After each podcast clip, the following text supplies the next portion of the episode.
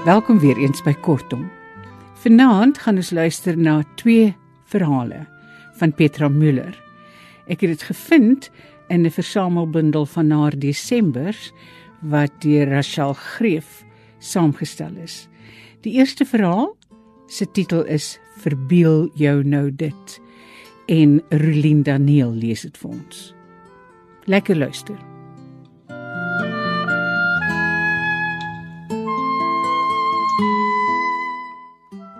Dit is altes lou se plesier om vroegmôre seeduine toe te gaan wanneer daar nog geen ander spore lê so ver jy kan sien nie. Hy's 'n man van ongeskondenheid. En dan lees hy die nag se storie. Die vlegwerk van die voelpootjies, die jakkals se onderbroke draf, die rooi kat se blomspore. Vroegmôre op die duin, sê hy, is daar nie ligstories nie. Is die naaste wat jy dees kan die dood aan die waarheid sal kom. Die sand verklap alles en ook nie net van wat was nie.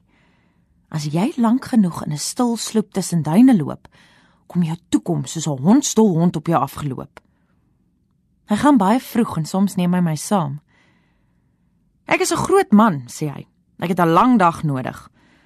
Ek weet ook nie hoe my ma hulle aan die ou naam gekom het wat hulle my gegee het nie. Hulle was mos maar eenvoudige mense. Maar kyk nou vir my. My kan jy net met die duine vergelyk. Skryf nou oor my, sê Altus. Niemand sal jou glo nie. Sy tong rol om elke woord soos 'n robbenwater. Of miskien moet ek sê 'n walrus. Daar's iets uitermatigs aan hom. En dis waar wat hy sê. Hy hou stand teen die duine. As jy hom in een van die duinstrate sien aankom met sy groot kaal voete soos vinne aan sleep en sy woeste bosbaard en hare, sal jy dink jy het te doen met een van voortydse wille goed. As hy praat, klink dit soos 'n vraggruis wat afgelaai word uit 'n lorry. Maar sy hart is sag en delikaat. Hy praat met elke dingetjie wat hy teekom. In die tyd van die jaar raak sy diskurs nie op nie, want dit is lente en die seeveld is uitspattig vol van blomme. Waar die vlak rotse afval see toe byvoorbeeld, het 'n eislike vaal gousblom afgerank. Dit blom met ritse geel knoppe wat nou nog nat geknyp van die dou oren staan. Altes beskou die plant misprysend. Uiteindelik rammel hy. "Jy," sê hy. "Moenie so na aan die see groei nie. Wat maak keer jou? Ek hou jou al lankal dop. Wat wil jy hier die kant toe kom afrank soos 'n doilie oor 'n beker? Dis vislandie, nie blomland nie. Dink jy 'n by gaan jou hier in die sproei kom bewerk? Die sout sal jou hier opvreet. Jy moet wegwerk land toe. En hy waai die blom met sy hand binneveld toe, weg van die sout. Toe buik hy af en gaan luister al met die blomknoppe af. Vas aan die slaap, sê hy. Gisterand gaan daan, sommer in haar rokke gaan slaap. Gisterand gousblom, vandag molsoop. Molsoop? vra ek. Molsoop, ja. Betug hy my uit sy groot hoogte. Is jy nie 'n skrywer nie? Ken jy nie jou woorde en jou storie nie? Jy loop met jou groot voete oor die nag se storie, sê ek. Loop oor. Ek is die storie. Sal jy my vir 'n mens herken as jy my sleepsel sien? Hy kuier tussen die opslag rond, sy vingers wriemelend agter sy rug. Ek is 'n man met blombehoeftes. Ek voel altyd 'n vreeslike ding oor my kom as ek tussen blomme is. 'n aansteeklikheid. Dan moet ek eers 'n stukkie grom. Hy grom sing 'n tydjie. Iets val hom by. Weet jy hoe ek aan daardie knap vrou van my gekom? Ek het die hele sandveld deurgevra wie is die beste kleremaker. Toe beduie hulle my na Elsa Beukes toe. Toe gaan kuier ek vir haar met my eie stoel, want ek is nou moeg af van om ander mense se stoele stukkend te sit. Toe sit ek die stoel in haar stoepkamer neer en ek sit myself daarin en ek sê vir haar: "Maak nou vir my 'n broek wat aan my sal bly sit en wat ordentlik lyk, dan trou ek met jou. Jy sal nie jammer wees nie." Toe maak sy so en ek maak so, en sy het nie tot vandag toe nie. "Nee, wat nie?" vra ek. "Nie berou nie," sê hy. "Maar eintlik moes ek 'n keiser gewees het of 'n tsaar of 'n ding." koning van die seeveld. Dis min of meer my roeping. keiser van die see bamboes. Hy pluk een van die lang bamboese uit 'n knoets op en werk dit met 'n paar vinnige hale van die knipmes reg. "Laat ek sien," sê hy, "of ek nog die see kan roep." Hy plant sy twee voete vas in die nat sand en blaas met die bamboesie duine wakker tot by Maurie se punt. Net daar staan die see in die sloepe op en skop met wit skuim teen die lug dat die son 'n oomblik verskemer. Verbeel jou nou dit, sê Altus Lou en spoeg 'n bietjie sand uit sy mond. Gaan skryf nou oor my en kyk of die mense jou sal glo.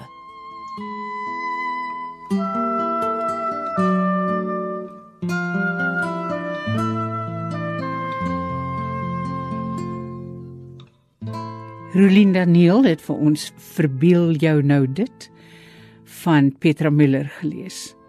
Nou gaan ons luister na nog 'n kort kort verhaal van haar met die titel Desembers wat ook die titel is van die bundel waaruit dit kom, Tafelberg publikasie, Desembers. Lekker luister.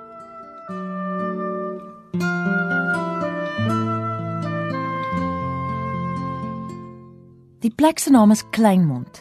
Dit lê aan die mond van die Botrivier. Vroeger moes die rivier seker twee mondinge gehad het, maar wat van die groot monding geword het, weet niemand nie. Dis seker sommer weggevee, soos dinge weggevee word deur die bewegings van die tyd. Die riviere wat versit en deur seestorms wat duine opstoot teen die land, of deur onsigbare bewegings van die aardkor self, groot en stadig, soos die gebare van reuse of gode. Ek vertel maar net 'n storie. Daar was 'n dogtertjie. Ver van die see in 'n dorp tussen die graanlande, het hierdie kind saam met haar ouers en broers gewoon.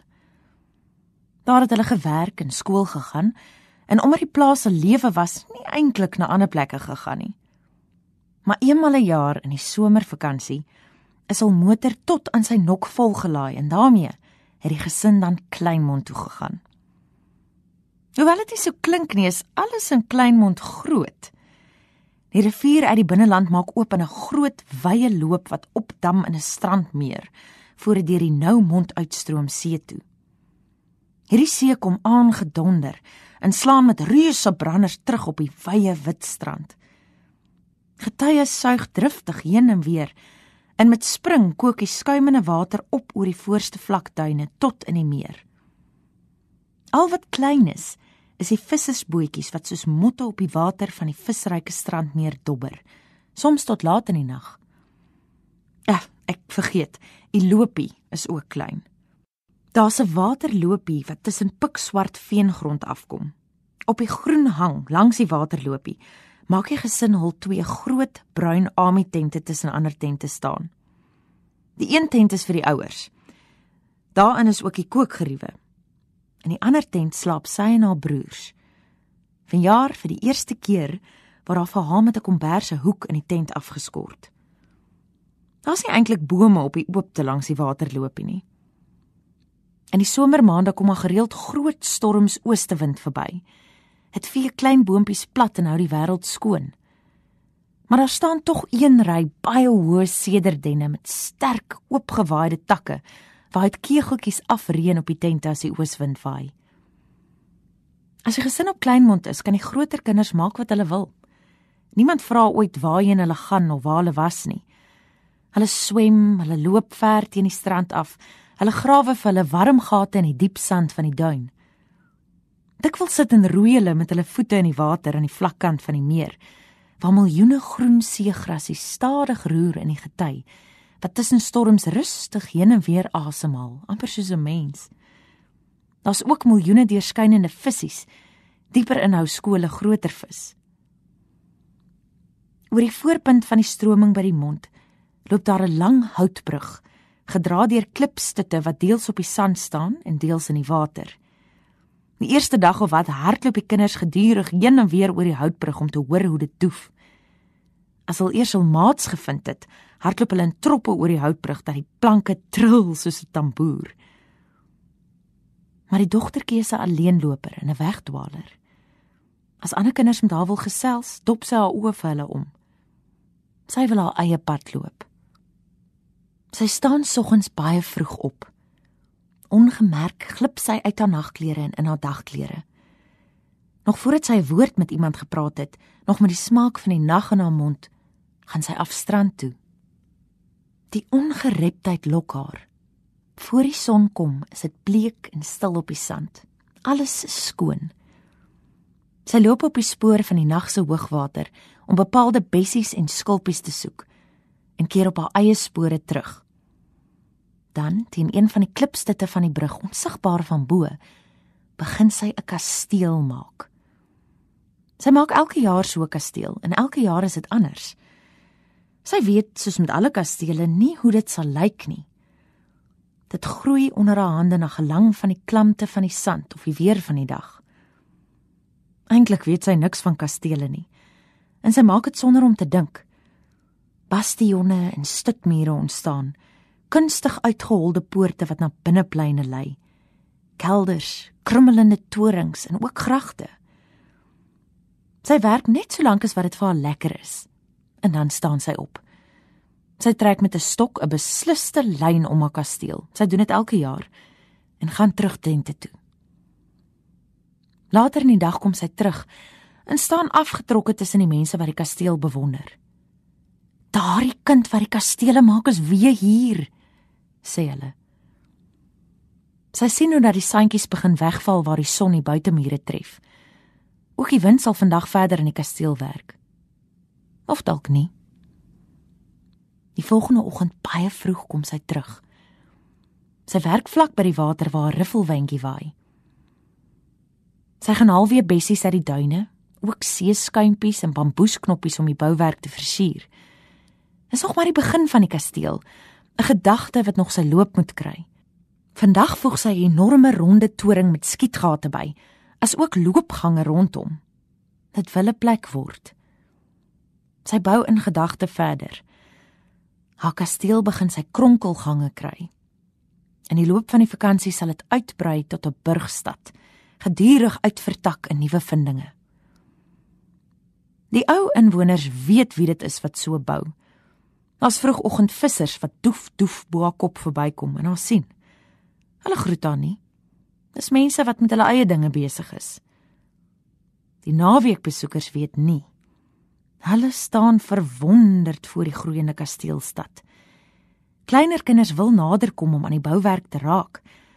Maar op 'n manier weet selfs hulle, hulle moenie oor die streep loop nie. Los die kasteel uit, maan die groot mense. Loop bou julle eie. En snaaks die kinders staan daar verwonderd, met hulle monde effens oopgeval en raak nooit aan die mooi ding nie. Soms val daar 'n lang dun skadu oor haar waar sy werk. Eers kom haar voetstappe oor die houtbrug aan en word stil. Dan die lang skadu, nog meer verleng deur die twee visstokke wat met donker spriete oor haar sandstad lê. Sy kyk nie op nie. Tog wel eenmal met die wegstap. Sy sien die smal rug van 'n visserseun. Op 'n oggend lê daar voor hul tent 'n parelrige blou-wit vis, nog nie heeltemal dood nie, 'n galjoen. Die geskenk is onverwags. Dit moet seker maar een van hul visvriende wees. Hulle braai dit oor kole en smak dit op. Maar die dogter het maagpyn en sy eet nie saam nie. Sy werk teen die tyd. Binnekort is dit spring. Die water stoot en sug. Die kasteel moet betyds klaar kom. Sy lê binnepleine uit met ligpink skulpies en loop ver om rooi flaminkvere vir vaandels teen die meerkant op te tel. Teen die tyd. En toe gevaar sy dat daar iewers fout is by haar sandkasteel. Iemand bou saam. Iemand het sonder om die lyn te breek versigtig daaroor getree aan haar bastionne verbeter en toe die spoor doodgevee wat binne die lyn moes agterbly. Met haar gesig teen die grond kan sy die netjiese gelykveegsels van die handpalm sien. Dis klein dingetjies. Perlemoengruis in die watergrag om water na te boots. Hout vierkantjies vir deurposte. By die groot poort staan takkies van 'n besembos geplant soos deurwagte. Daar is nie besembos by hierdie strand nie besembos groei ver op aan die bokant van die strandmeer waar die water nie meer sout is nie naby die vissersdorp. Die volgende dag is daar met plat houtskuifies valbrûe gemaak tussen die torings in die watergang na buite. En die bastion is met klam sand aangevul en verstewig. Die dogter hou dop. Maar daar's niemand wat in die loop van die dag naby haar kasteel kom nie. Sy bou nie verder nie. Sy sit met haar voete in die water en skop visse weg. Daardie aand vra sy haar pa na sy flits. "Wat wil jy daarmee maak?" wil hy weet. "Ek moet strand toe," sê sy. "Ek het my swembroek op die strand vergeet." Hy gee haar die flits. Dis 'n ongewone gewig in haar hand. Sy loop met die flits in die stikdonker tussen die tente deur. En toe sy naby die brug kom, skakel sy dit af. Sy loop op die rand van die brug oor, waar die houtplank nie kan galm nie. Sy loop reg oor, klim af en kom met 'n draai oor die sand terug. Nou is haar oë aan die donker gewoond. Onder die pilare by haar sandstad gevaar sy iemand. Ook hy het 'n flits by hom, 'n dowwe flits wat telkens wil uitdoof.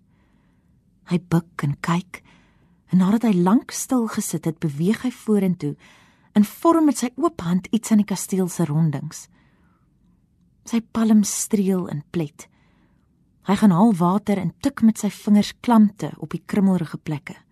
Hy messel met die platte van sy hand.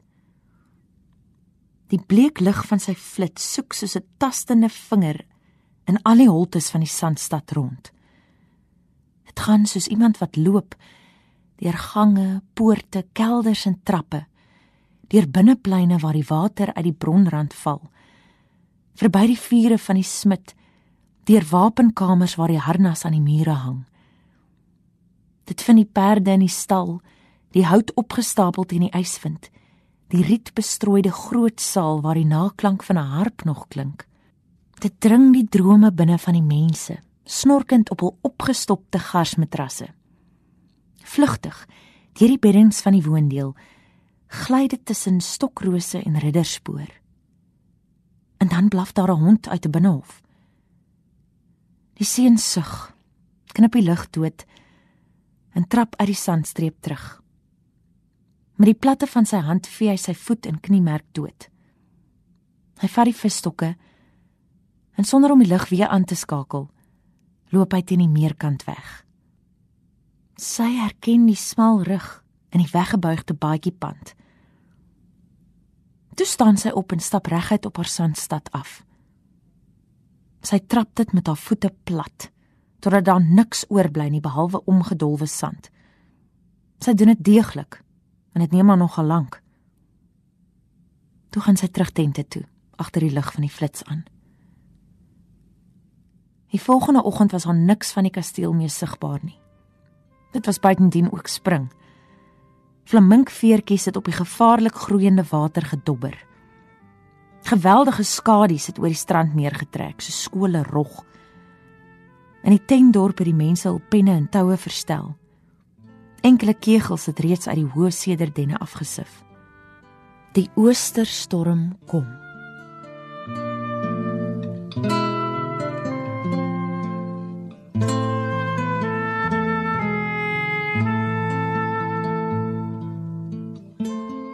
Dit was Petra Müller se verhaal Desembers uit 'n bundel met dieselfde titel van Petra Müller en Rolien Daniel het dit vir ons gelees. Van my Magolite alles van die aller aller allerbeste tot volgende keer.